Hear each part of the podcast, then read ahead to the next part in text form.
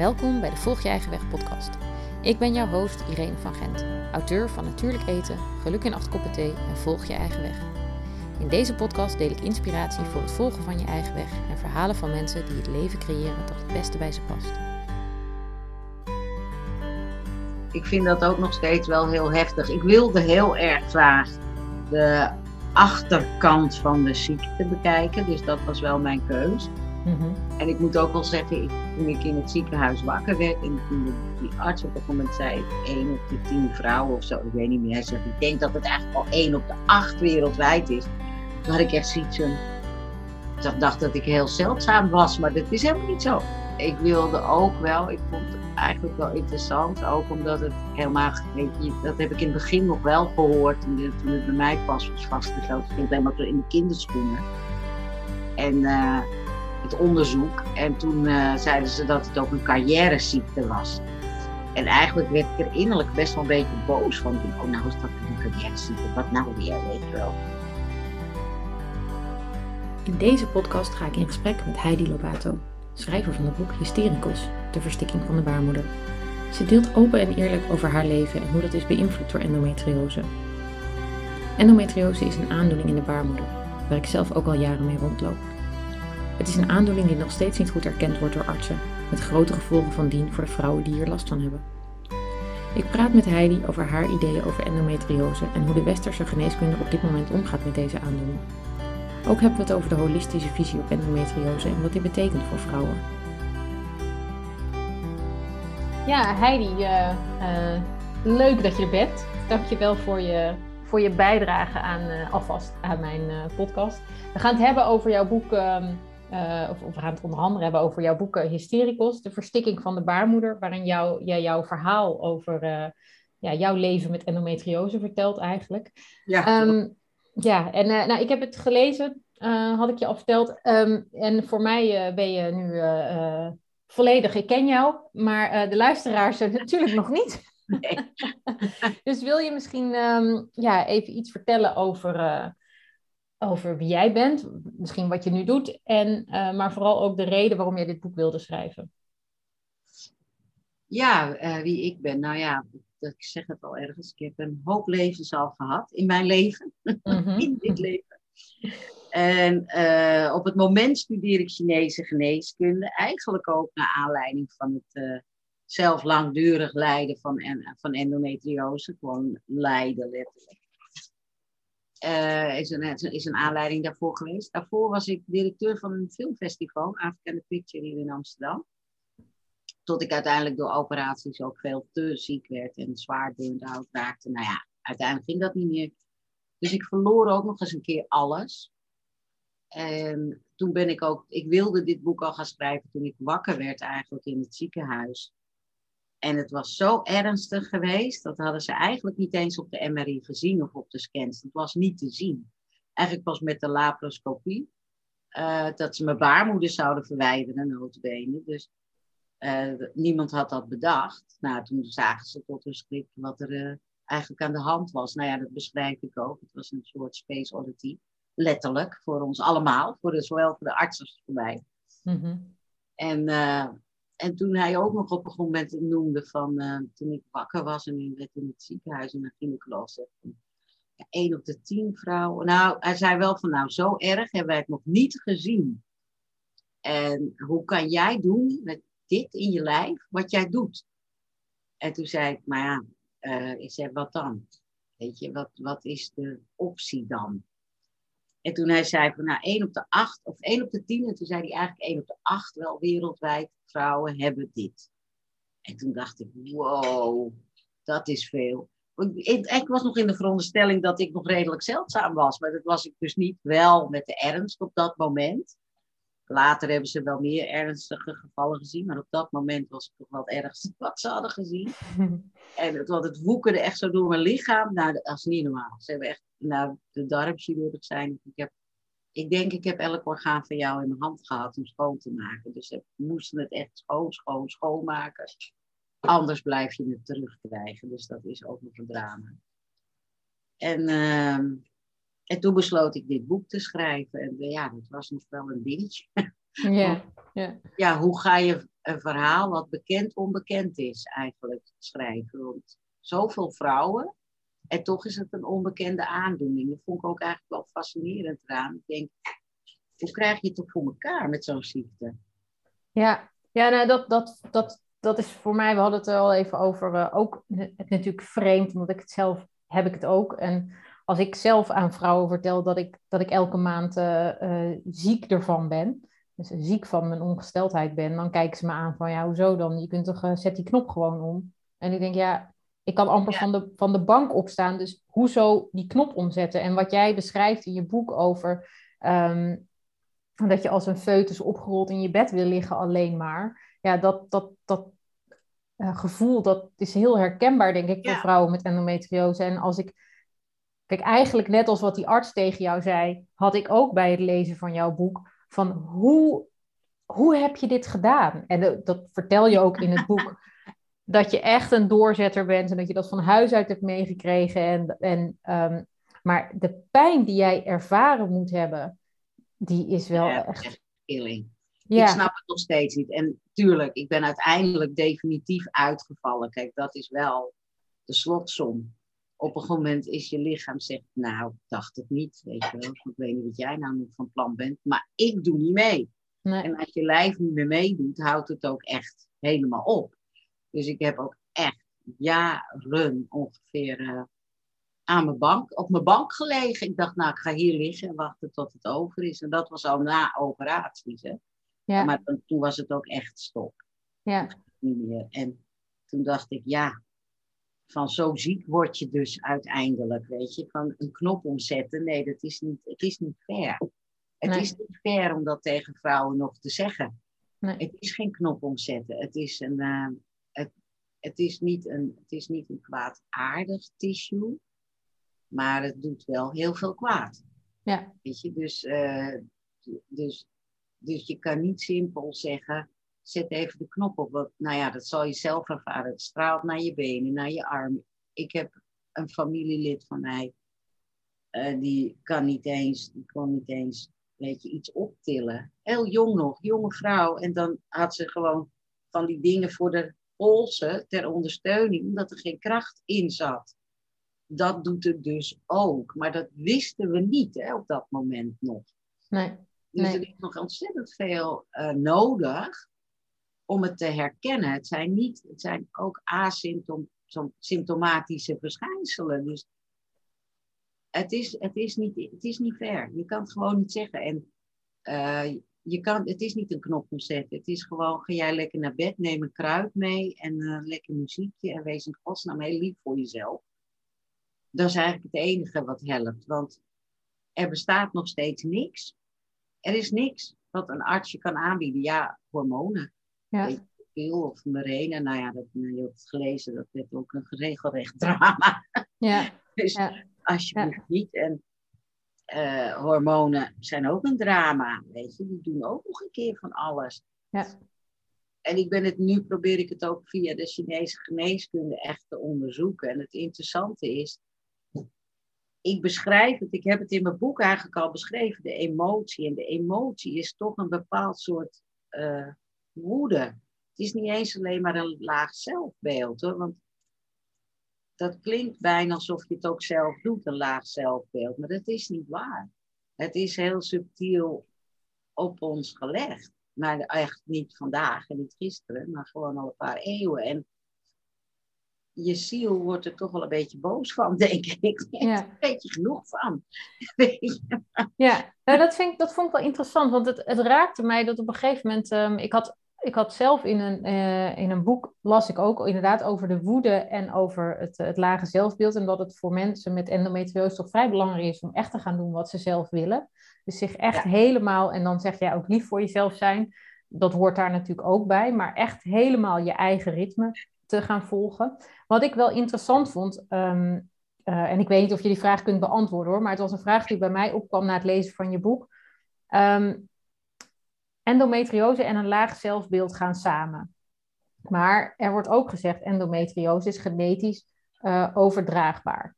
Dus waar, bij mij kwam de vraag op waar begint het? Dus weet je, je wordt, eigenlijk word je geboren met de endometriose. Het zit in je, want het is genetisch overdraagbaar. Ja. Wat maakt het negatieve zelfbeeld? Komt dat dan, is dat er dan ook al en verergert dat de endometriose? Of krijg je door endometriose een laag zelfbeeld? Want waar we het eerder al over hadden, je voelt je in die dagen dat je die pijnen hebt, voel je je niets waard. Dus je, je, je bent niet in staat om van de bank of uit je bed te komen. Je, je kunt niks. Je probeert misschien wat, maar ja, als je ook al niet in staat bent om iets op te tillen. Uh, ja, ik heb wel dagen gehad dat ik van de bank naar de wc wilde lopen. En dat ik halverwege omviel, omdat ik gewoon zoveel pijn had en bijna flauw viel. Dus hoe. Maar de, de, de, ja, mijn vraag is dus eigenlijk, om terug te gaan naar waar ik begon. Um, hoe zit dat? Hoe zit die relatie tussen de ziekte en dat lage zelfbeeld en dus die woede? Want bij mij komt die woede dan ook voort als ik het heb over de woede. Ja, die gaat over ehm, ik word niet gezien of ik word niet gewaardeerd of ik word niet. Weet je, er zit heel veel achter. Ehm, en daar, daar schrijf jij natuurlijk ook over. Over hoe vrouwen genegeerd zijn in de afgelopen eeuwen. Eeuwen, een paar duizend jaar. Ja. maar, hoe zie, ja, hoe zie jij dat? Nou ja, ik denk dat dat Weet je, daar kunnen onze moeders ook weer tegelijkertijd niks aan doen. Uh, dat wordt wel degelijk ook doorgegeven. Uh, maar je weet niet wat er in je eigen voorouderlijn gebeurd is, zou ik maar zeggen. Weet je, van, maar reken maar van yes dat dat nog een tikkeltje erger is dan in onze tijd. Weet je, omdat de zeggingskracht van vrouwen natuurlijk al een paar eeuwen. A, letterlijk uit de geschiedenis geschreven is, maar en ook nog eens een keer geweerd. Letterlijk. Weet je, ik bedoel, uh, dus ehm, ja, ik denk wel dat je dat doorgeeft. Ik denk dat je doorgeeft de, dat de woede die daarover gevoeld werd al door onze voormoeders, laat ik het maar even zo zeggen, in de spirituele lijn, absoluut is doorgegeven. En ehm, dan zou die daarop kunnen zitten. Interessant is in de Chinese geneeskunde is dat woede eigenlijk. De emotie, zeg maar, alle organen hebben hun eigen emotie. Ja. En woede hoort bij het le de lever. Ja. En de lever is voor de Chinezen, die produceert het bloed. Dus ook uiteindelijk voor, voor de uterus. Ja. Dus voor jouw menstruele bloed, zou ik maar zeggen. Dus, maar het is best wel een delicaat uh, orgaan eigenlijk, de lever. Dus als die uit balans gaat, dan doet hij het ook gelijk goed. dan, dan, gebeurt er veel in je lichaam. En uh, eigenlijk zeggen zij ook dat alle gynaecologische aandoeningen, aandoeningen van het leverorgaan zijn. Het is niet dat je lever ziek is, maar de leverenergie. Het werkt anders. Ja. En er zijn wel al verschillende die daarop doorgegaan zijn. Ik ben er nog niet achter, geef ik toe. Um, ik heb nog niet een echt super successtory gehoord. Maar dat wil nog niet zeggen dat het er niet is hoor. Maar ik heb hem nog niet gevonden. Ik moet ondertussen namelijk ook al die andere dingen leren. Dus- maar hoe bedoel je dat? Je hebt nog geen successtory uh, Nou, dat weet ik dus nog niet. Ik weet wel dat het al wel bestaat. Er is al in de acupunctuur behoorlijk veel. Al. Zij kijken al anders, al eeuwen. Zij kijken ook naar vrouwengezondheid anders. Dat doen ze bij ons niet. Nog steeds niet. Nog niet in deze eeuw, nog steeds niet. Zij doen dat wel. Zij kijken nog niet zozeer naar of jij nou mannetje of een vrouwtje bent. Jij komt met een klacht. Ze kijken meteen naar de klacht. En de gender is even niet zo, is, is niet zo belangrijk. Zij willen de, kracht, de klacht verhelpen. Dus whatever de klacht is. Ja. En zij hebben dus best al wel veel verschillende dingen uitgedokterd op al die menstruele problemen, weet je, of je geen menstruatie hebt, of te veel, of dat, of zus, of zo. Maar ook endometriose. En met name voor de pijn. Mhm. En dat is natuurlijk, weet je, dan, dan moet je dus disbalansen weten op te heffen met acupunctuur of twina of wat dan ook. Je hebt verschillende technieken. En uh, ik heb daar wel al, ik heb daar in het verleden al wel wat aan gehad, zeker. Uh, dat het dan minder pijn deed. En dat is natuurlijk, dat geeft enorme rust ook. Ja. Omdat die pijn, dat is niet te doen. Je gaat gewoon onderuit. En net wat je zegt, je valt flauw. Ik viel letterlijk flauw. Of ik viel gewoon, was ik ergens koffie aan het drinken. Bang! Tegen de grond. Ik kon niet opstaan en er was geen gelul. Ik kon ook niet een tandje erbij zetten. Er was geen tandje meer over. Nee. Dus Eh, dus alle sensoren zitten vol qua pijn. Nou ja, sorry hoor, maar dan, en dan nog hoor. Ik had, had dan mijn eigen bedrijf, dus uh, ik kon het indelen. Maar dan, ging, dan kwam mijn vriendin me ophalen, lag je in bed met morfinebasispillen, dan ga je knock-out. En dan was ik twee uur onder zeil en dan werd ik wakker. En dan ging ik gewoon naar kantoor daarna. Ja, gaatje in je hoofd, maar oké. Ja. Je, je dacht, kom op, dit kan je. Soms gek. Ja. En ja, uh, maar ondertussen gebeurt er wel op de emotionele kant gebeurt er wel heel veel. Weet je, want het is ook niet gezien worden. Je kan het niet uitleggen, dat is al één. Weet je, mensen kijken je glazen gaan van waar heb je het over? Moet zeggen trouwens dat er zijn ook mannen nu, hebben ook mannen gereageerd op het boek, wat ik heel fijn vind. Want ik heb het voor mannen en dokters geschreven. Hmm. En uh, die zeiden van, ik begrijp ineens wat mijn vrouw heeft. begrijp het. En, en iemand anders die zei, heb er nog nooit van gehoord. En bleek de beste vriendin van zijn vrouw, bleek dit te hebben, weet je. Dat, die, zijn vrouw zegt dan nog, heb jij nooit geluisterd dan? Dat heeft zij toch ook? Weet je, nou, dat heb hmm. ik dan al die jaren niet gehoord. Dus niet gezien worden heeft dan een dubbele lading eigenlijk, weet je. Het is op het moment word je niet gezien met de aandoening. Mhm. Maar wie weet werden we eigenlijk al veel eerder niet gezien, gewoon. Voor wat wij eigenlijk ook nog wilden in ons leven, weet je wel. En hoe bedoel je dat? Bedoel je dat over generaties uh, terug en ja, ik, eh, ik, vraag me dat dus als vrouwen zijn? Ja. Ja. ja. ik vraag me dat dus af, omdat het echt doorgegeven wordt en dat kan. Ook dat kan, emotie kan ook doorgegeven worden. Dus dat ja. kan. Ja. Dat ja. Ja. Ja. Ja. Hey, en um, wat, ik, wat ik leuk vond, ik heb een paar korte video's van jou gezien. En, en uh, je, als je de, de titel van je boek uitlegt, dan gaat het daar ook over hystericos, um, hysteria, uh, ja, over alle aandoeningen in de baarmoeder, volgens mij. Ja. Um, toevallig had ik het in een eerder gesprek met iemand ook al over, dat uh, ja, deze ziekte maak je een soort van nou ja, je, zou er gek van kunnen worden. Uh, ja, echt wel. Dus de, de, de term hysteria, hystericals is niet zo heel erg, is niet zo heel erg vreemd.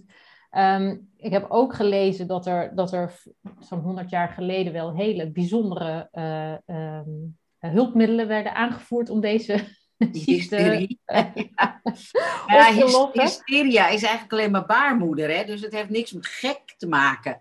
Maar het is iets wat, wat men niet begrijpt. Dus is het gek? Ja, ik weet niet. Weet ja. Je, ja. ja. Eigenlijk is dat al een misvatting, ja. Ja, ja, dus, dus, dus eigenlijk is de, de, de, dat wij hysterie aan iets anders koppelen dan, dan baarmoeder is eigenlijk... Ja, ja, ja, is een complete... Ja. Oh, wat interessant, ja. Ja, want er zijn inderdaad wel... Uh, ja, je kunt er knettergek van worden. Laten we het daar... Uh, Laten we het daarop houden. Nou ja, tuurlijk. Weet je, maar dat word je ook. Nou ja, dat merk je zelf ook. Uh, boos worden, echt heel boos worden zonder, en je snapt niet eens waarom. Hmm. Je, kan het zelfs nog denken van waarom word ik hier nou heel kwaad over? Iets wat je eigenlijk niet zo interesseert. Maar je zit vol, weet je, het is vol. Dus er kan niks meer bij. Dus dat kleine dingetje is net een te grote trigger. Ja. Maar als jij niet weet dat dat erbij hoort, is dat nou, voor je omgeving en voor jezelf enorm uh, angstig eigenlijk, weet je. je. Je hebt het helemaal niet in de hand. Dus het gaat bijna buiten jezelf of zo. Dat je denkt, huh? ja. Van, hoezo? Hoezo ga ik hier vanuit een plaat, weet je wel? Ja. Ja. ja. Oh, interessant. Dat vind ik ook nog wel goed om uit te leggen aan mijn partner. Dat het, dus, het ligt dus niet aan mij. Nee, het zijn mijn hormonen. Ja, hormonen. We gaan er maar ijs halen of iets anders uh, leuks ja, vertellen. Ja, ja. Rust. maar dat is wel waar. ja, ja, ja. Hey, en als je nou terugkijkt op... Um, uh, uh, want als ik, als ik jouw leven zo lees en, en ook de lessen die je, die je um, ja, leert, zeg maar, op het moment dat je echt helemaal plat ligt, op het moment dat je dus echt uh, nou ja, burn-out bent, bent geraakt, uh, dan ben je, hoe oud ben je dan, als ik vragen mag? Dit is nu, nou, we zijn nu in 2022. In 2011, dus in 2010 had ik de laatste operatie. En toen ging, was ik eigenlijk al burn-out aan het maar uh-huh. heb ik het nog drie jaar voortgesleept, letterlijk hoor. Ik heb het echt ook zo gevoeld. Ja. Ik was verbaasd dat ik de ene voet voor de andere voet kreeg. En dacht, het wonderlijk dat iemand dat kan. Weet je, dat eigenlijk helemaal niet meer kan. Ja. Maar goed, we zaten in een heftige tijd, ook uh, qua uh, bezuinigingen en weet ik veel wat. Mm Dus ik heb doorgezet, maar in 2013 had mijn huisarts ik ben er helemaal klaar mee. Je gaat nu naar huis en je mag nog even vijf seconden over die tent nadenken. Eigenlijk helemaal niks. Je gaat twintig minuten per dag wandelen. Toen kon ik dat al niet eens meer. En toen was het 2013, dus uh, was het einde verhaal. Maar toen was het ook echt einde verhaal. Ik kon niks. Ja. Ik kon niet meer nadenken. Ik kon niet meer. Ik kon niet eens. Ik woon dus vlak aan het Vondelpark. Dacht ik, nou dan ga je twintig minuten in het Vondelpark lopen. Nou, als ik aan de overkant van de straat kwam, was het veel. Ik kwam er gewoon niet. Ja. En dat is, dat is behoorlijk confronterend. En toen was mijn focuspunt wel dit boek schrijven. Dat was wel weer grappig. Mijn hersens waren niet moe. Maar dat is wel interessant, ja. Zo. Ja, dat was mijn focuspunt ook. Van, Dat kon ik. En dan moest ik ook niet anders meer. Dat ging niet, weet je. Elke prikkel of ding was gewoon een ding te veel. Ja. Maar dit ging. Dus, uh, dus dat vond ik zelf wel grappig. Ik denk, ja. oh, nou oké. Ja. Maar als je nu dan, dan in, in, terugkijkt op al die jaren dat je bent doorgegaan, hoe, um, ik bedoel, alles gebeurt met een reden, hè? dat geloof ik ook echt. En, en, ja, dat geloof ik ehm, ook. Maar er zijn zoveel dingen in jouw leven gebeurd waarbij ik dacht, oh, stop nou alsjeblieft. Ga nu, doe rustig. Ja, dat ik het maar, maar...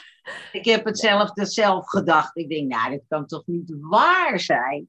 Of dan dat deel dat ze bij mij, dat het door mijn darm gegroeid is. En dat dan mijn ex-vriendje, beste vriendje, de, de, een hersending krijgt. En dan de vader van uh, mijn nichtje dood in huis. Nou, in één week tijd. En toen dacht ik, nee, ik heb nu aandacht nodig. Ik heb iets bedreigends in mijn lichaam. En dat kon dus niet. Ik weet het ook niet. Ik weet niet wat uh, de goden bedacht hebben voor mij. Maar nee, ja. Ja, ja, ik weet ja. Ik maar zo kijk je er ook nog steeds op terug. Ik weet niet hoe ik het gedaan heb. Hoe ik ben, hoe ik ben blij Nee, want er, er, valt echt geen enkel dingetje op. De, het is echt voetje voor voetje. En uh, hopen dat het lijntje niet breekt of zo, weet je. Het ja. is meer dat dan dat het wijsheid was op dat moment. Want dat, daar was helemaal geen tijd voor, weet je. Van uh, dan dit en dan dat en dan gezondheid en dan... Uh, nou, en dan weer dit. En dan denk je, het kan niet waar zijn, dan moeten we dit doen. Dat was altijd allemaal net weer groter. Dus dan dacht je, ja, oké, dan doen we dus eerst dit. Ja. En uiteindelijk, nou, mijn huisarts beschreef het wel heel goed. Ik, weet nou dat, dat het net, ik was net een soort soldaat die uh, aan, het, aan, het, aan het front, een frontsoldaat. Ze zei, je bent eigenlijk volkomen constant in opperste gevecht of zo. Ja. En dat is wel waar. Zo heb ik het uiteindelijk in retrospect ook ervaren. Dat ik dacht, maar dat is wel waar. Ja. Toen zij dat zei, dacht ik eerst, oh, huh? dat, dat met je door. Maar daarna dacht ik, ja. Maar ja, hoe had je het anders moeten doen? Dat, ja, dat weet ik niet. Ik wilde altijd wel van, al, ik ben wel een mens van als ik iets in mijn kop heb van, oh nou, dit lijkt me nou interessant om te doen, ga ik het doen. Mm en denk ik niet eens zo heel veel na, weet je, of, van, uh, of het nou haalbaar is of niet haalbaar. Ik, ik, ga het gewoon doen.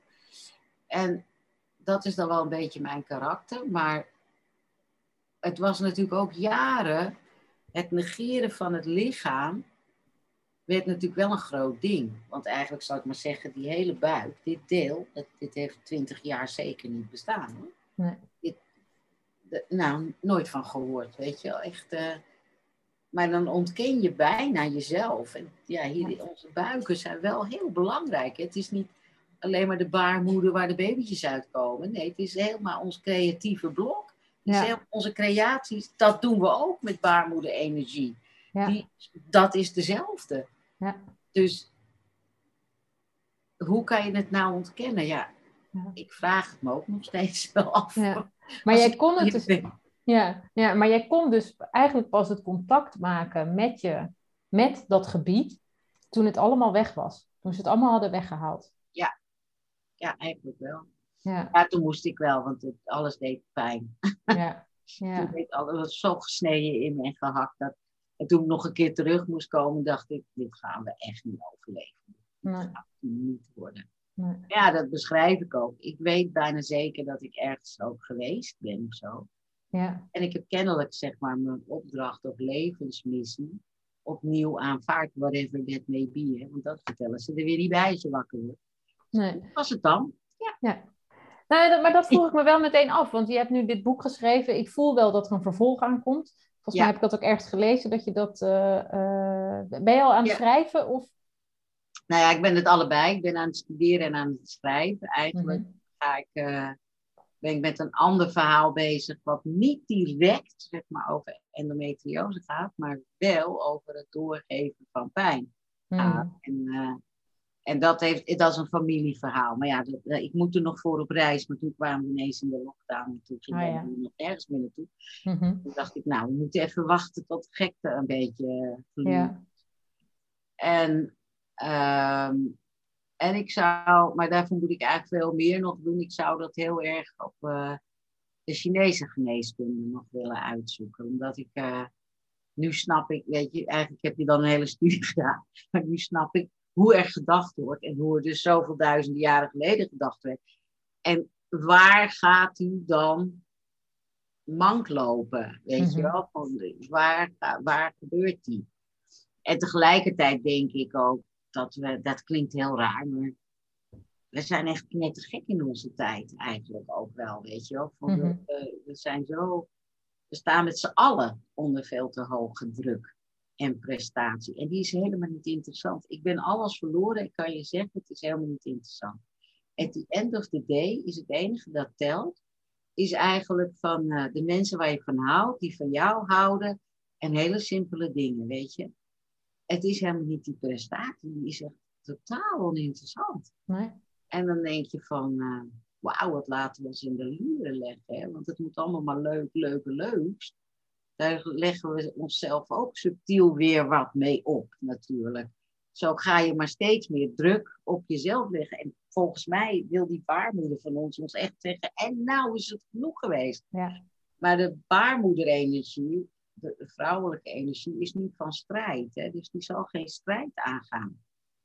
Die, die is zacht, dus die, maar wel echt de allersterkste. Dat is wel grappig. Ja. Ze kan wel heel hard roepen. Ja, ze kan heel hard roepen, maar ze zal niet vechten. Dus dat is ook interessant. En dat, dat zegt ons ook iets.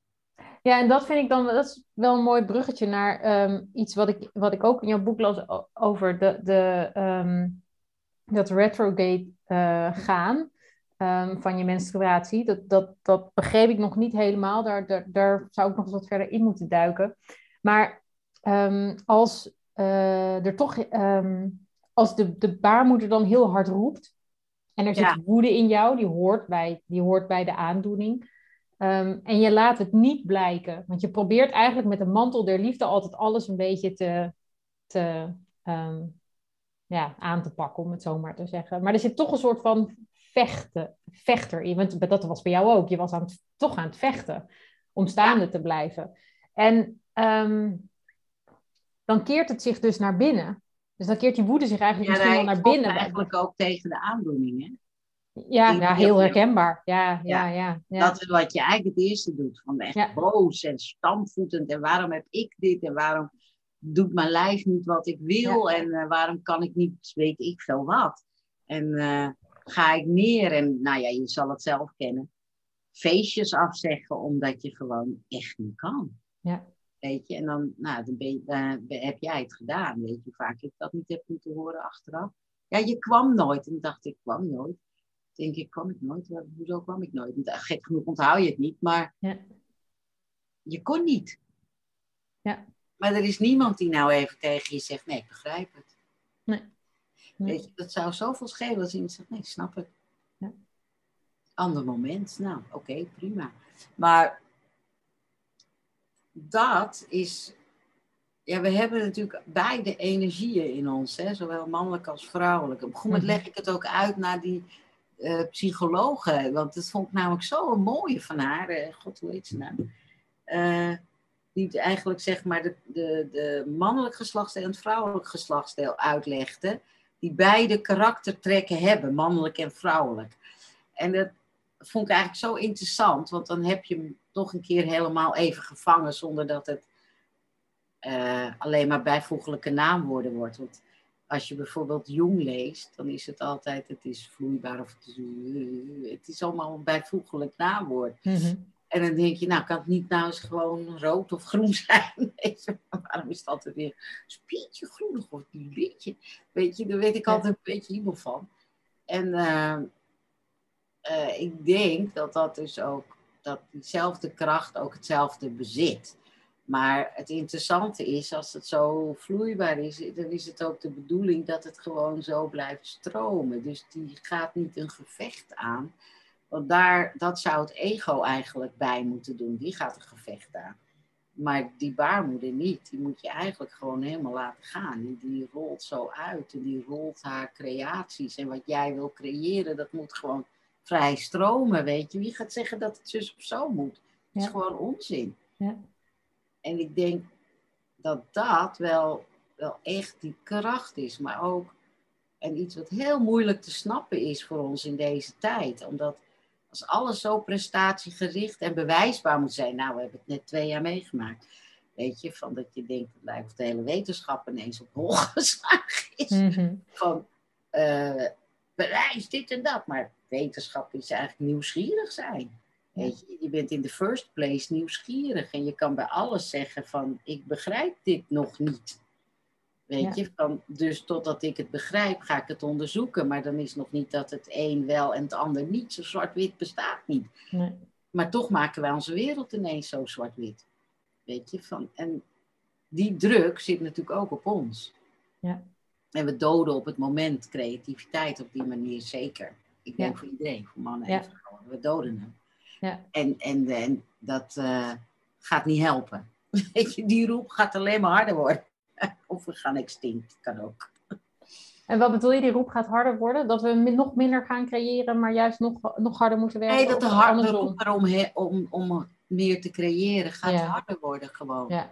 Ja. Omdat het ook harmoniseert gewoon. En ook... Uh, Weet je, ik was ook bijvoorbeeld met het schrijven, ontdekte ik, terwijl ik heb echt altijd wel de dingen gedaan die ik leuk vond, hoor, echt leuk vond. Maar met het schrijven was ik ineens intens gelukkig. Ik weet nog dat ik dat voor de eerste keer ervaarde en dat ik dacht, ah, ik ben nog nooit zo gelukkig geweest, zo gelukkig.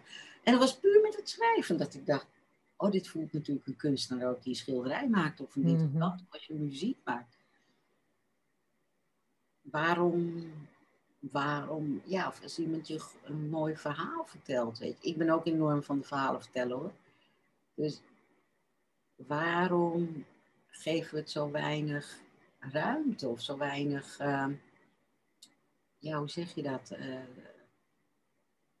uh, waarde. Op het mhm. moment hechten we er geen waarde aan. Ja. Weet je, eigenlijk is dat deel bijna uit onze maatschappij geweerd als zijnde nutteloos of onzin. Of, nou, ik weet niet, weet je. Terwijl misschien is het eigenlijk wel het meest nuttige wat we kunnen doen uiteindelijk. Ja. Voor, de, voor, de, voor het behoud van de species. Ja. Worden, we worden er veel sterker van. Ja, dat geloof ik ook. Dat geloof ik ook. En ik denk ook dat, uh, ik, dat probeer ik ook altijd wel mee te geven in, in in wat ik schrijf en wat ik doe, is ga, ga op zoek naar je eigen talent en, en ga doen wat, wat goed voelt voor jou. En ik merk dat bij mezelf ook, zodra ik dat doe, is, maar, en dan relateer ik het aan mijn endometriose, wordt het veel minder. Dan is het veel minder heftig. Zodra ik in een fase zit waarin ik moet doen voor anderen wat zij van mij verwachten, nou dan lig ik echt twee dagen plat. En als ik zodra het, uh, ik mezelf de ruimte geef, helemaal de ruimte geef en mezelf gewoon laat creëren, maar dan door de maand heen. Hè? Dus niet, niet alleen maar op die twee dagen, nee, maar nee, nee. continu. Ja, dan heb ik echt veel minder pijn. Is en toch dat, apart? Nou ja, ik denk niet dat het apart is. Ik denk dat het heel logisch is, maar het is niet wat we gewend zijn. Want ik denk dat heel veel vrouwen met endometriose gewoon maar tegen zichzelf zeggen: Nou, ik neem maar weer een dikke pijnstiller en ik ga er maar weer voor. Ja, maar die pijnstillers helpen geen bal. Ik weet niet hoe het voor jou is, maar ik weet dat het hielp geen moer, weet je. Ik, ik had pijnstillers, dat is nou wat ik al zei. Ja. Bij het ja. lunch, nee. Ja. Het hielp echt geen moer. Weet je, eigenlijk achteraf gezien, denk ik van, wow, echt. Ja, wat Hoe dan? Je lichaam, ja. Maar dat je daar niet al helemaal knettergek van geworden bent, dat is ja. wel een wonder. Ja, ja, ja. Maar ik bedoel, je zegt het dus nu ook al zelf, weet je. En, en dat lijkt me ook zo interessant als we dat nou eens echt even gaan onderzoeken. Dan, dat maakt toch het verschil. Ja. En het klopt gewoon niet meer. We zijn tegen onze eigen natuur in aan het gaan. Ja. En volgens mij, ja, het lichaam, het, weet je, gaat daar echt wel tegen in. Ja. Het is gewoon onzin om te denken dat hij dat niet doet. Je kan wel willen dat we allemaal robotjes worden. Dan zou je ons toch echt heel bionisch moeten gaan maken. Ja. Want voorlopig is dit lichaam gewoon zoals het is. Weet je? En die gaat, Dit niet, die gaat dit niet meer willen. Nee.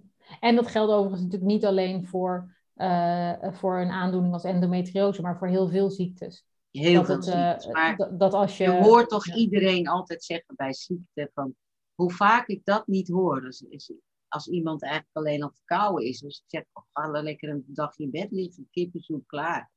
Nee hoor, en ze gaan allemaal door.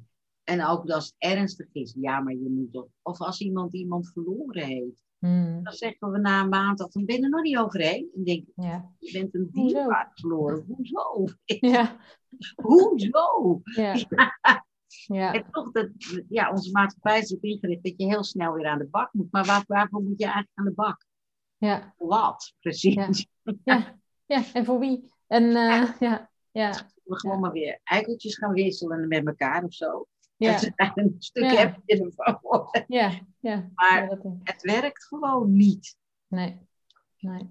Ja, apart hè, is dat. Ja. Maar ja, je hebt het dus ook al ervaren. Ja, ik had de kans niet door om uh, rustiger aan te doen. Omdat ik inderdaad, het ging allemaal, nou ja, je hebt het gelezen. Het ging allemaal in rollercoaster tempo. Ja. Dat, Ik kon er niet eens nadenken over wat nu weer, weet je wel. Van, uh, en dan had je inderdaad altijd gedonder met die artsen dat was af en toe ook dat je dacht, nou ja zeg, hoe durf je dit te zeggen? Ja, ja dat verbaast me ook dat er, dat er in jouw verhaal komt heel veel naar voren over de, uh, ja, ik vind incompetentie misschien niet zo'n goed woord, maar ja, vind ik eigenlijk wel een goed woord, maar niet zo aardig. Uh, het is niet aardig, maar het klopt wel. Incompetentie ten opzichte van, uh, te, ten opzichte van deze aandoening. En ook ten opzichte, en dat benoem jij ook, en dat heb ik laatst ook in een ander boek gelezen, um, dat er zo in de, in de wetenschap, in de medische wetenschap, zo wordt gekeken naar mannen en vrouwen zijn gelijk. Dus dat er helemaal niet zo veel gekeken is tot nu toe naar de vrouwenaandoeningen. Ja. En dat er vooral uh, wordt gekeken naar, uh, ja, we onderzoeken de man, want die is uh, stabiel. En de vrouw met al haar hormonen, die, die kunnen we ja, niet handelen. Dat, dat, is dat het, snappen hè, we dat, niet. Dus, dat snappen we niet, dus doen we het niet. Ja. Ja. ja. maar het is Ehm, echt zo. Maar ja. wij reageren echt anders. Ja. En, en we worden gedwongen om dus te reageren als een man. Maar je bent geen man. Nee. Het gaat meteen om mank, eigenlijk. Ja. Weet je, het gaat om mank. Dus hoe dan? Ja. En zo zitten ze ook naar je te kijken. Ik heb het natuurlijk in de jaren tachtig al, dat ik nog in de kinderschoenen, echt, er werd echt over mijn hoofd heen gepraat. Hoor. Ik nam ook echt per definitie een man mee.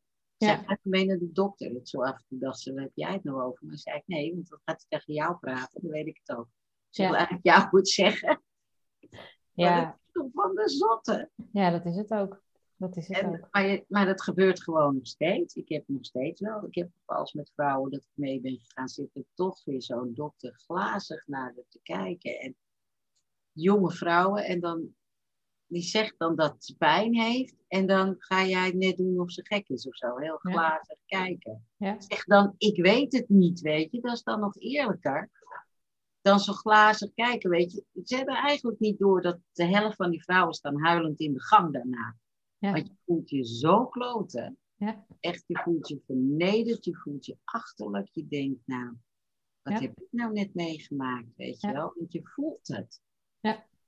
Je kan het soms niet eens benoemen. Ik heb ook echt een keer, nou ben ik uit het ziekenhuis gelopen, dat ik echt... Ik kon het niet eens zeggen. Ik kon het niet eens vertellen tegen iemand anders wat er was gebeurd. Ik wilde er niet meer over praten. Echt zo heftig vond ik het, de reactie. En zo'n arts die je niet aankijkt en op een papiertje kijkt. En dan En dan denk je van, ik zit hier hoor. Ja. Zegt, oh ja, nee, niks, kunnen we niks mee. Nou. Ja. Ik denk dat ze beter naar een auto kijken dan naar de mens. Dus.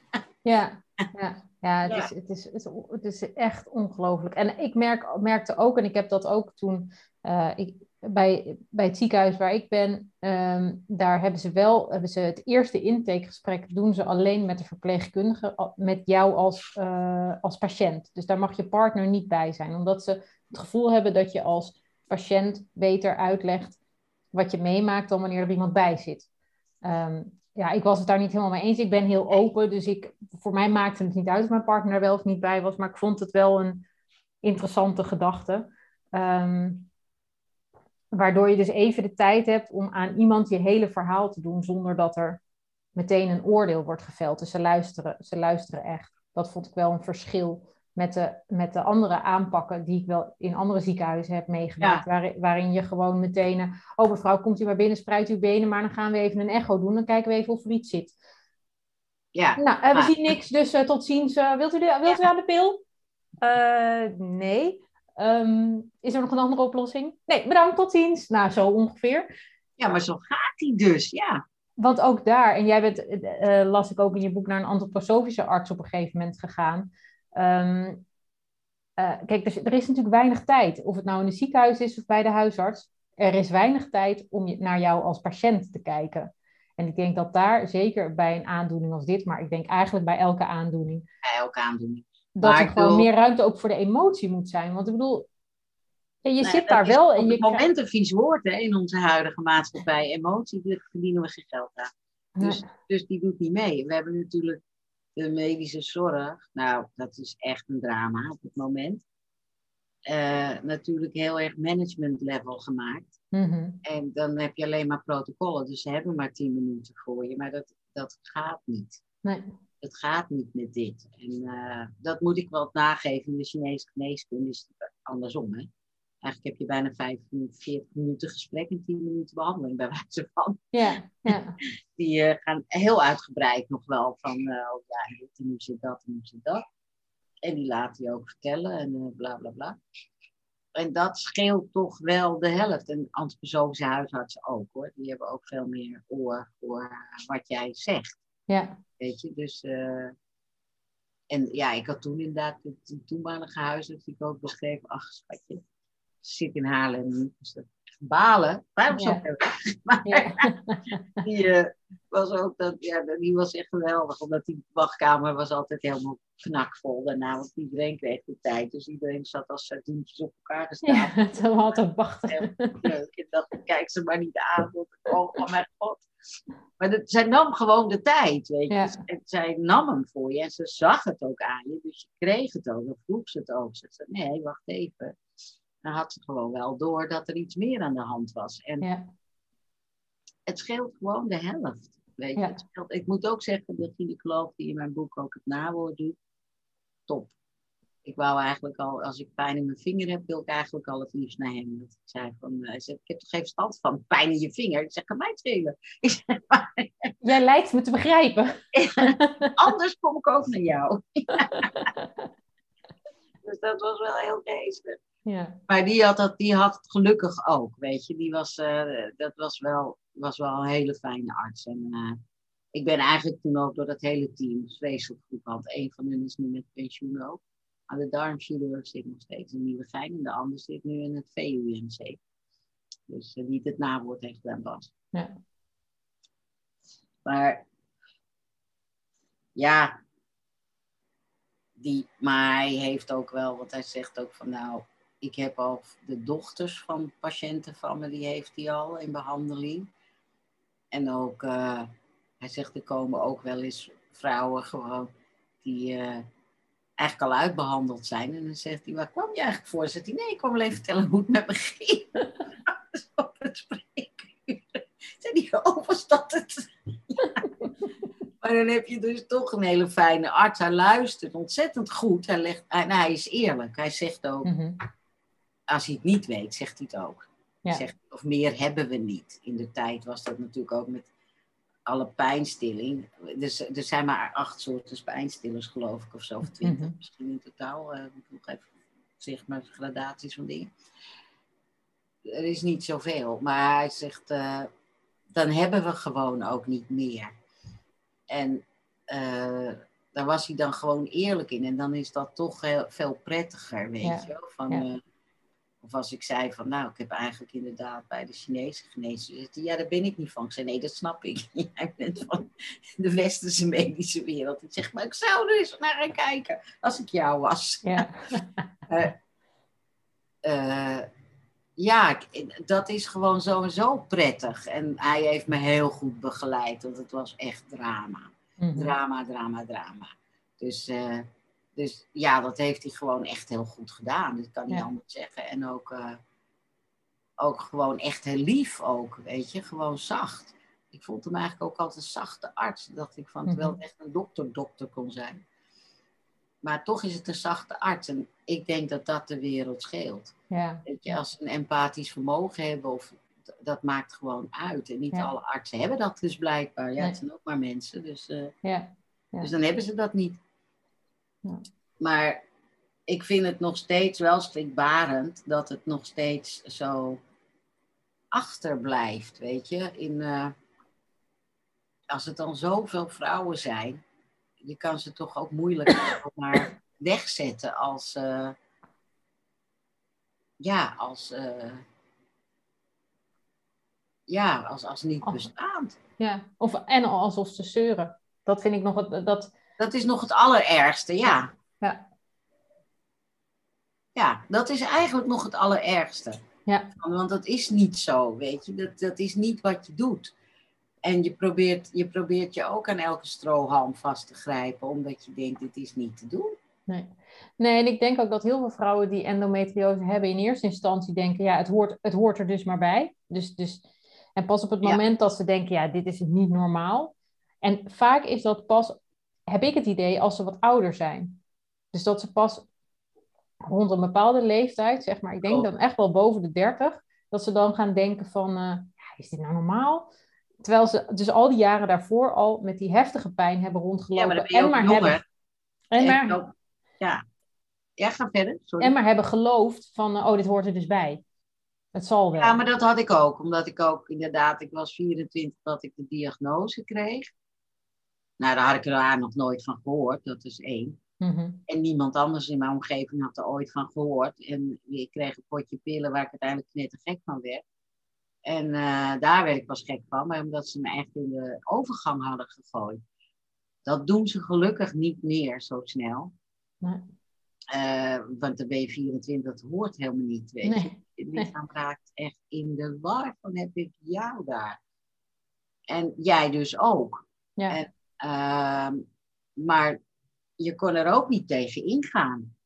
Weet je, want hij was toch de dokter. Dus dan was het ook, je kon ook niet zeggen, ja, maar moet dit dan wel? Weet je, nou ja, hij heeft letterlijk tegen mij gezegd eh, eh, dat ik zoveel bijwerkingen had. Ze zei, ja, ja, dat kan kloppen. Maar en toen zei ik, maar dat heeft u helemaal niet verteld. Zegt hij, ja, maar als ik dat had verteld, dan had je ze allemaal gehad. Met andere woorden, ik ben dus niet in staat om daar zelf een oordeel in te hebben. Dan had ik alles, omdat het erop stond, had ik ze allemaal gehad. Had ik dat Mm. gezegd of zo. Van, ja, dat, is zo merkwaardig. Ja. En dat heeft een impact op je, dat je eigenlijk al eerst, de eerste tijd niet eens meer bij die dokter wil komen. Je komt Nee. gewoon niet. Dat je denkt, laat maar. Ja. Weet je, ik ga niet. Ja. En op het laatst kon ik het ook niet meer vertellen. Ik kon het niet meer vertellen. Nee. Ik kreeg het er niet meer uit. Ik bedoel, de vriendin van mij die meeging, zij moest het dan maar vertellen. Ik zei, vertel jij het maar. Ik kan niet meer. Ik Ja. kon niet meer. Ik kon gewoon geen woord meer achter elkaar uitbrengen. Ja. Ja. En je had gelukkig eh, een vriendin die eh, op het laatste veel met je, met je meeging. ehm, eh, Ja, oh, vind, noem, noem je nu ook, en dat, dat viel in je boek ook heel erg op. Wat ik een mooi contrast vond in je boek, en ik zou, ben benieuwd of je daar een reactie op wilt geven. Maar in het begin van het boek heb je een baan ehm, waar je op een gegeven moment zegt: vrouwen zijn elkaars grootste vijanden. Ehm, zo van, daar werd je heel erg. ach eh, ja, verschrikkelijk. Dat was bij Amnesty notabene. ja. nou ja, dus je, dat benoem je daar. Ehm, en vervolgens geef je later in het boek juist weer een aantal voorbeelden van hoe vrouwen elkaar heel erg steunen op bepaalde momenten. Um, het zijn eigenlijk twee enorme uh, contrasten. Ja, contrasten. Hoe, hoe, ja, ik ben gewoon benieuwd hoe je dat ziet. Hoe je dat, nou ja, we zijn het eigenlijk allebei. Ja. We zijn en mekaars grootste vijanden en mekaars grootste steun. Um, ik denk wel dat uh, je hebt, dat hebben we al, weet je, van... Uh, je hebt nu ook al wel van als we moeten stemmen van stem op een vrouw, bla bla bla. Nou, maar je gaat niet op Margaret Thatcher stemmen als je even bij je verstand bent. denk je van nou, we gaan niet uh, Margaret Thatcher worden, worden we ook niet blij van. Want die uh, is eigenlijk heel mannelijk. En, dat, mhm. en, dat, is een subtiel iets dat vrouwen zijn natuurlijk ook mee gaan doen in dat hele patriarchale gedrag. Uh, omdat ze daarmee ook weer een bepaalde positie verwerpen. En ze hebben het niet altijd door van zichzelf dat ze dus die lijn volgen. Ja. Maar die worden dan wel jouw ergste vijand als jij het anders neerzet. Want dan ben jij een groot gevaar, want jij laat zien dat het anders kan. Ja. Dus er gebeurt iets op een bepaalde levels die niet met zoveel woorden herkenbaar zal zijn. Je kan het ook niet zeggen tegen ze van, maar zie je niet wat er gebeurt dan? dat kan je niet zeggen. En, uh, want dat zien ze niet. En uh, tegelijkertijd zijn ze nog een graadje erger dan mannen. Eigenlijk kan je de hmm. mannen beter hebben, want die gaan hem liever voor je zijn dan zij. En dit, waren, dit was ook, ik had dan ook een vrouw om me heen. En, nou ja, ze was kinderloos. Ik weet niet waarom, want daar heeft ze nooit antwoord op gegeven. Maar het kan ermee te maken hebben, want ik was dan zwanger. Ik had zwanger gesolliciteerd, dus ze was daar heel boos over. Maar ik had niks onwettigs gedaan, weet je wel. Echt niet. En, uh, en daarbij had ik ze nog de kans gegeven. Ik had nog gezegd, nou, ik ben zwanger, dus zeg het maar, weet je, ik vind best. Ja. Ik weet dat ik die baan had gekregen, maar oké, ga ik wel weer wat anders doen. Ik was mhm. er helemaal niet bang voor, weet je. Werk vind ik wel, zal wel. En, uh, nou, maar dat kon natuurlijk niet. Uh, misschien omdat het Amnesty International was, dat kon. Dat is toch ook misschien niet bakken. En, maar dan ben je daarna vervolgens ontzettend kwaad op me. Dat ik dus zwanger heb gezond. En eigenlijk heeft ze me wel echt iets aangedaan daarmee. Want dat gaat dan wel, je bent wel heel kwetsbaar als zwangere vrouw. En ook je hele lichaam verandert, je keert naar binnen, je herkent jezelf niet meer. Je wordt ook helemaal hartstikke gek. Omdat je alles vergeet. Weet je, je keert mm. echt naar binnen. Dus soms moest ik aan de receptie vragen, wie heb ik nou net aan de telefoon gehad? Had je een heel gesprek met iemand gevoerd, ik kon er helemaal niet meer opkomen. En het was gewoon weg, klap. En... Uh, maar dat gebeurt. Dat is eigenlijk een natuurlijke gang van zaken. Het is mhm. allemaal voor die jonge vrucht, die, moet, die krijgt alles. Ja. Dus je bent dan ook kwetsbaar. En dat heeft ze wel bij me gedaan. En daarna, ik heb zeker het eerste jaar dat mijn dochter er was. Ik heb nooit over mijn kind willen praten op mijn werk daardoor. Maar eigenlijk ben ik ook wel heel erg. Ik, kreeg eigenlijk, ik had eigenlijk een depressie. Ik, uh, achteraf gezien. En dat, dat heeft het wel bewerkt, zou ik maar zeggen. Van, dat mijn eigen blijheid werd zo ingedampt, toch? Weet je wel, dat je op een gegeven moment ook weer klem komt te zitten. En ja, daar ben ik dankzij die antroposofische huisarts wel weer uitgekomen, want die had hem door. Ja. Dus hij had hem echt goed door. En die heeft me echt ook uh, beetgepakt. En dat was echt een tofferik was dat ook. Mhm. Dus die, uh, dat heb ik er toen wel uitgekregen. Gelukkig ging die vrouw toen weg, dus dan was je daar ook van. Ja. Maar dan is het leed ook wel weer geleden, weet je. En dan, ja, ik, heb, ik voel geen wrok hoor. En er waren, er waren twee vrouwen en, uh, die echt heel erg waren. En het had met alles en nog wat te maken. Jaloezie, weet ik veel. Nou, dingen waar ik allemaal helemaal niet mee bezig wil zijn. Ja. Ik heb geen idee waar je jaloers op moet zijn. Ik snap jaloezie eigenlijk ook niet. Weet je, waarom ben je nou jaloers? Je weet helemaal niet op wie of wat je nou jaloers bent. kan wel twintig keer erger. Nou, als ze mijn boek nu zouden lezen. Ja, ik weet niet hoor. Wat was er om jaloers op te zijn? Had je willen ruilen?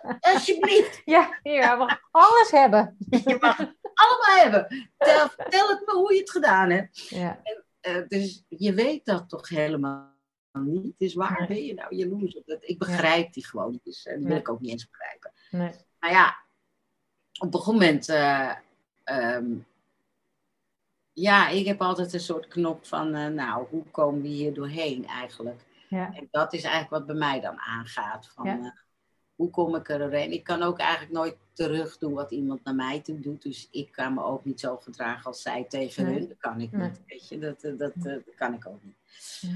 Maar daarna leer je, maar uiteindelijk zijn het dan toch ook wel weer vrouwen die dus wel weer die enorme kracht en, en empathie hebben en, en uh, dat voor je doen, weet je. Dat zijn dan toch ook wel weer vrouwen die, uh, die zo fantastisch uh, klaar kunnen staan en, en er zijn en dan ook ook nog van haar werk, weet je. Zij, als hij die belt, dan moet ik eigenlijk meteen even, die ligt op de grond. Die kan niet meer opstaan. Ja.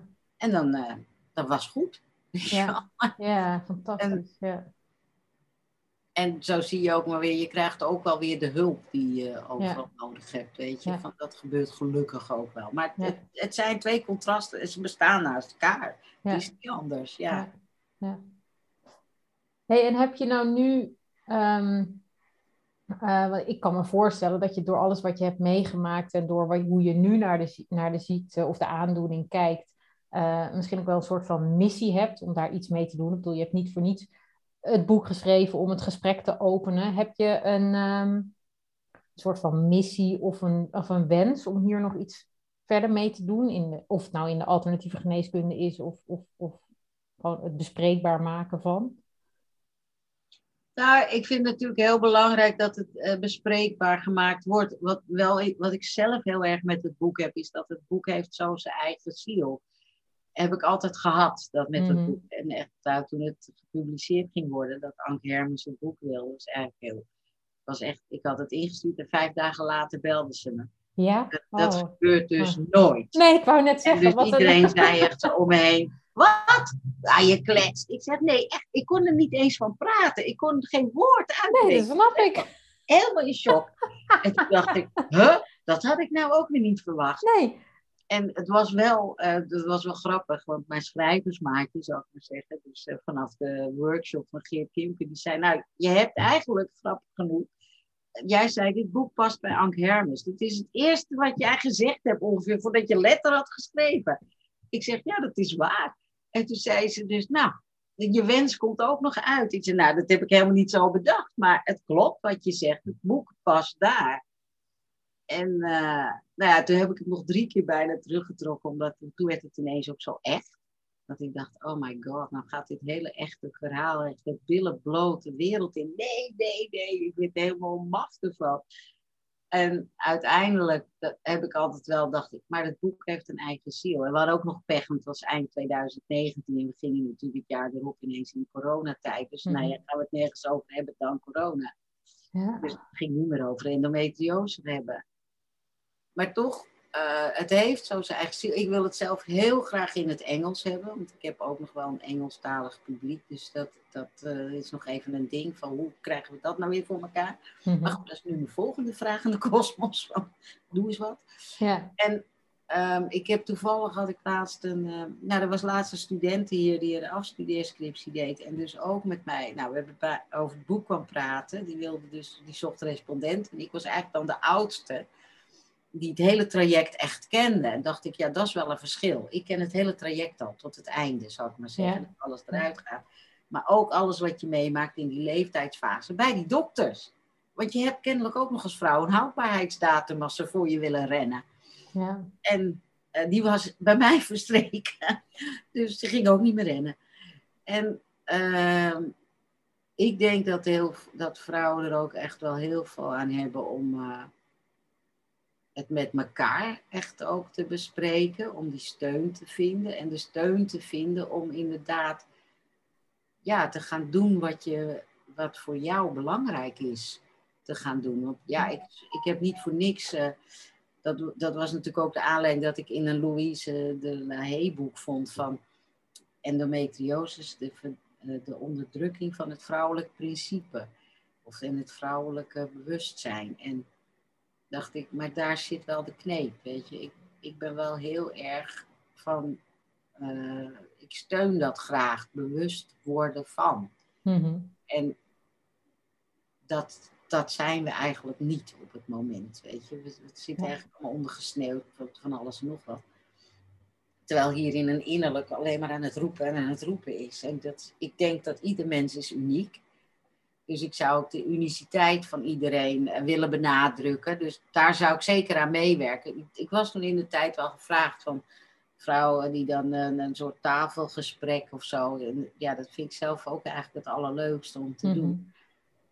En, maar ik zou ook heel graag die dokters daar gewoon bij willen hebben. Kom hier dan.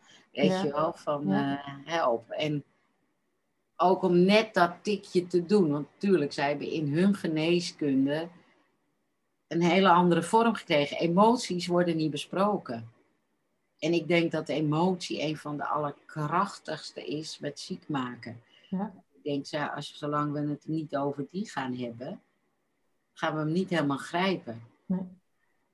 En ja, gaan we hem grijpen? Ik weet het niet, weet je. Maar het lijkt me toch redelijk belangrijk als we ook nog allemaal onvruchtbaar worden. Dat is toch echt wel de, de grootste bedreiging van de species. Mhm, als we allemaal geen kinderen meer gaan krijgen omdat het niet kan, dan hebben we toch echt de pop aan het dansen, lijkt me. Ja. Of het moet de bedoeling zijn. Weet je, allemaal kleine robotjes. Ja, tegenwoordig willen ze zoveel gekkigheid met al die technologie dat je denkt, daar word je blij van. Maar ja, weet je, ik ben daar zelf nog niet helemaal uit. Ik heb zelf wel zoiets van, omdat het een eigen ziel heeft, zal het mij ook wel leiden naar ja. wat de missie ermee is. Weet je, van, uh, ik ben niet graag een missionaris, daar hou ik niet zo van. Dus, uh, maar alles wat op mijn pad komt of naar me toe komt of uh, met vragen zit, ja, ja, wat wel grappig is, want je zegt ik ben geen missionaris, maar in je boek lees ik wel dat jij iemand bent die mensen kunt op, kan opzwepen en meenemen en dat je een voorloper bent. Tot vermoeienis toe, geloof ik, maar... dat klopt wel een beetje. Nou, ze hebben me ooit wel eens van een politieke partij ook gevraagd of ik niet in de politiek wou. En toen zei ik, waarom zou ik dat nou willen? Ik zei, ik geloof jou. Ik zeg, ja, ik geloof mezelf ook. Maar als ik in die partij zit, denk ik dat ik moet zeggen wat jij zegt. Als ik dat niet geloof, gaat het het niet worden. Dus ik moest er hmm. op te lachen. Daar moest hij heel erg over nadenken. Hmm. En uh, toen zei ik van, nee, dat is niet mijn ambitie. I'm sorry. Weet je, ja. die gaan we niet doen.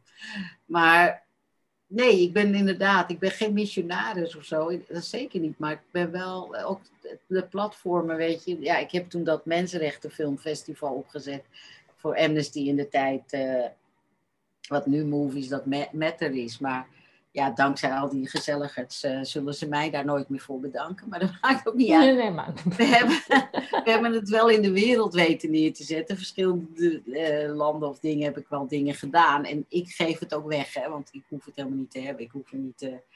Ik vind dat universele dingen. Ja. En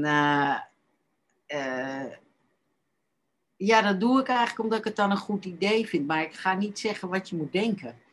Want dat, dat vind ik niks, weet je. Van, nee. uh, dat, dat is jouw eigen ding. En dat is ieders mens eigen recht, wat jij wil denken. Mm-hmm. En uh, wat, jij, uh, wat, wat je paadje is, kan ik ook niet zeggen. Nee. Weet je, dat, dat is ook voor ieder mens uniek gewoon. Ja.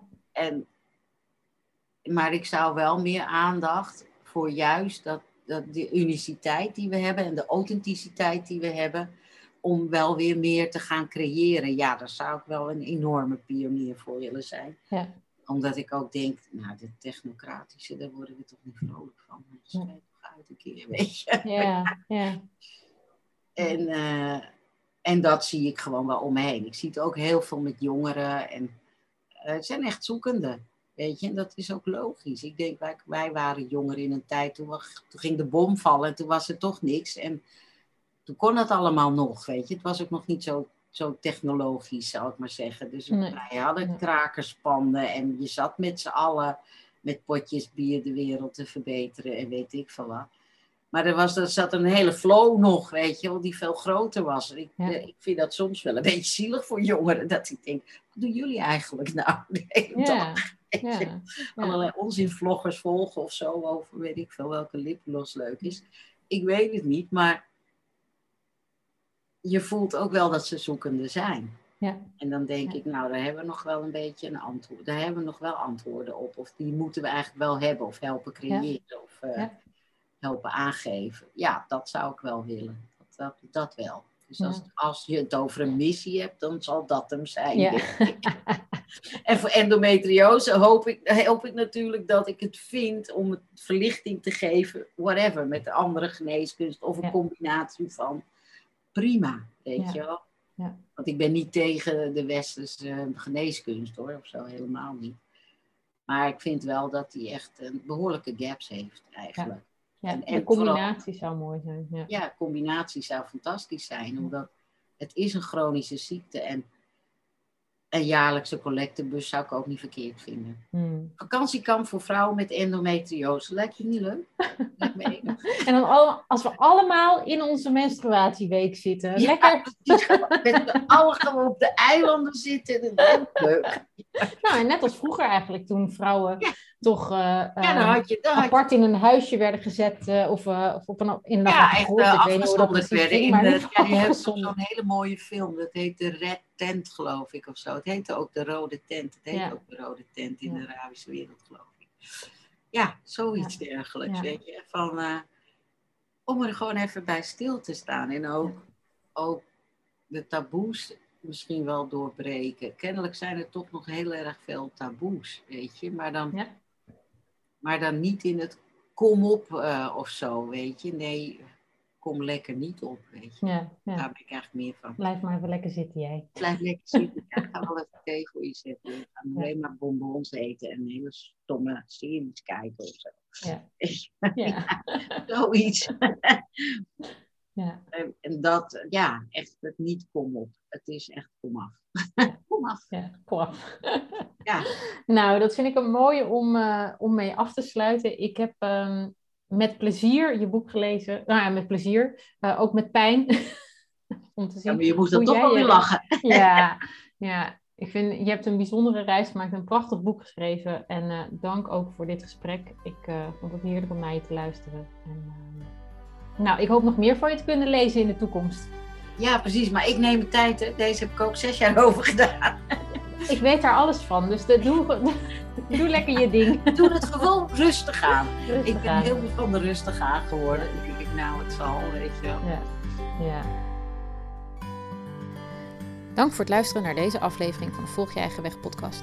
Wil je meer weten? Kijk dan op irenevangent.com.